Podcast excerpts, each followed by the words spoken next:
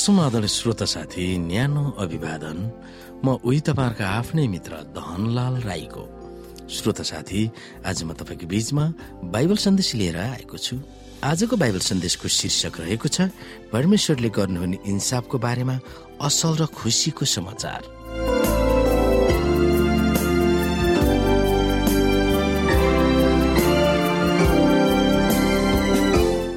श्रोता हामीले यस अध्यायमा अध्ययन गर्नुपर्ने बाइबलका पदहरू रहेको छ।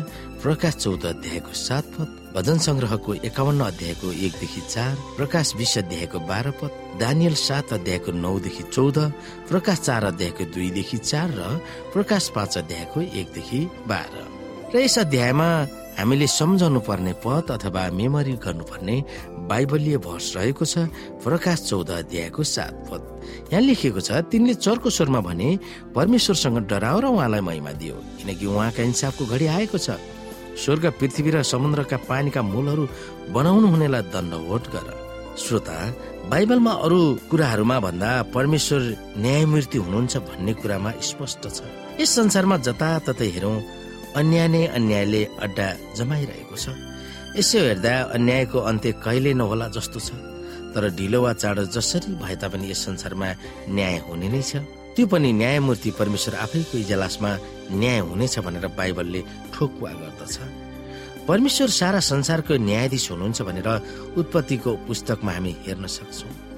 उहाँले अन्यायलाई ठुलो ठुलो हेरिरहनु हुने छैन। परमेश्वरले गर्नुहुने न्यायमा पावलले यसरी ठोकुवा गर्दछन् कि हामी हरेकले परमेश्वरलाई आफ्नो लेखा दिनेछौँ भनेर रोमीको पुस्तक चौध अध्यायको बाह्रमा हामी हेर्न सक्छौँ। झट्ट हेर्दा यो डरलाग्दो धारणा छ होइन त? हामी सबैले हाम्रो दैनिक जीवनको क्रियाकलापको लेखाजोखा परमेश्वरलाई दिनुपर्छ। हाम्रो भित्री विवेकलाई जान्नु हुने परमेश्वरले हामीले गरेको हरेक काम असल होस् वा खराब होस् प्रत्येक गुप्त कुरा समेत सबैको न्याय गर्नुहुनेछ। हो आखिरमा आएर न्यायले परमेश्वरको भलाइ र अनुग्रहलाई प्रकट गर्नेछ। परमेश्वरबाट लुक्न चाहने र खराब मानिसहरू पश्चाताप गरेर उहाँका आयो भनेर उहाँले तिनीहरूलाई सदा सहेर दया देखाउनु भएर गरिने न्याय उचितको हुनेछ भनेर तिनीहरू ढुक्क हुन सक्छन्। यस ब्रह्माण्डमा रडाको मचाइरहेको महान द्वन्द्वसँग सम्बन्धित न्यायको बारेमा यस अध्यायमा गहिरेसँग हामी हेर्न सक्छौँ। नआइ नहुने न्याय आउँदा परमेश्वरको भक्तजनहरूले कसरी सामना गर्नेछन् भनेर पनि हामी बुझ्न सक्छौँ। श्रोत साथी हामी प्रेरित चौबिस अध्यायको पच्चिसमा यहाँनिर हेरौँ। पावलले धार्मिकता संयम र भावी इन्साफको विषयमा बहस गर्दा फेलिक्स आत्तिएर यसो भने अहिलेलाई जाऊ मौका परेको बेलामा म तिमीलाई बोलाउला।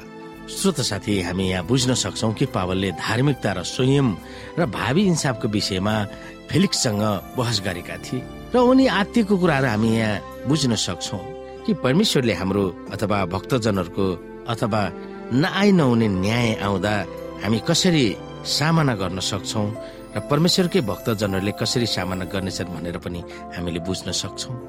यसै गरी श्रोता साथी हामी यहाँनिर हेर्न सक्छौँ भजन सङ्ग्रहको पुस्तक अन्ठाउन्न अध्यायको एघार पदमा। तब मानिसहरूले भन्नेछ निश्चय नै धर्मीहरू अझै पुरस्कृत हुन्छन्। निश्चय नै पृथ्वीको न्याय गर्ने एक परमेश्वर हुनुहुन्छ हामीलाई थाहा छ कि यो पृथ्वी सारा ब्रह्माण्डको न्याय गर्ने एकमात्र परमेश्वर हुनुहुन्छ र मानिसले गरे अनुसारको प्रतिफल उहाँले अवश्य पनि दिनुहुनेछ। यसै गरी हामी भजन संग्रहकै पुस्तक चौरानब्बे अध्यायको दुई पदलाई हेर्न सक्छौ। हे पृथ्वीका न्यायाधीश उठ्नुहोस्। अहंकारीहरूलाई तिनीहरूका कर्मको प्रतिफल दिनुहोस्। हामीले भन्यौँ कि हामीले गरे अनुसारको प्रतिफल परमेश्वरसँग छ। त्यो हामीलाई अवश्य पनि दिनुहुनेछ। यसै गरी हामी अन्ठानब्बे अध्यायलाई पनि हेर्न सक्छौँ। यहाँ नौ पदमा लेखिएको छ तिनीहरूले परमप्रभुको सन्मुख गाउन् किनकि उहाँ पृथ्वीको न्याय गर्न आउनुहुन्छ। उहाँले धार्मिकता र निष्पक्षता साथ संसारका मानिसहरूको अवश्य पनि न्याय गर्नुहुनेछ। हामीले भन्यौँ श्रोता उहाँले अन्यायमा परिरहेकाहरूलाई अथवा अन्यायमा परिरहेका उहाँको जनहरूलाई टुलु टुलु हेरिरहनु हुने छैन अवश्य पनि उहाँले न्याय गर्नुहुनेछ। अन्त्यको दिनमा उहाँको न्याय आसनको अगाडि सबैजना दुष्ट या पापी वा धर्मी सबै खडा हुनेछन् र संसारमा रहँदा गरेको धर्म कर्मको अथवा हामीले जे गरौँ त्यसको न्याय परमेश्वरले गर्नुहुनेछ। यी कुरामा हामी विश्वास गर्न सक्दछौँ।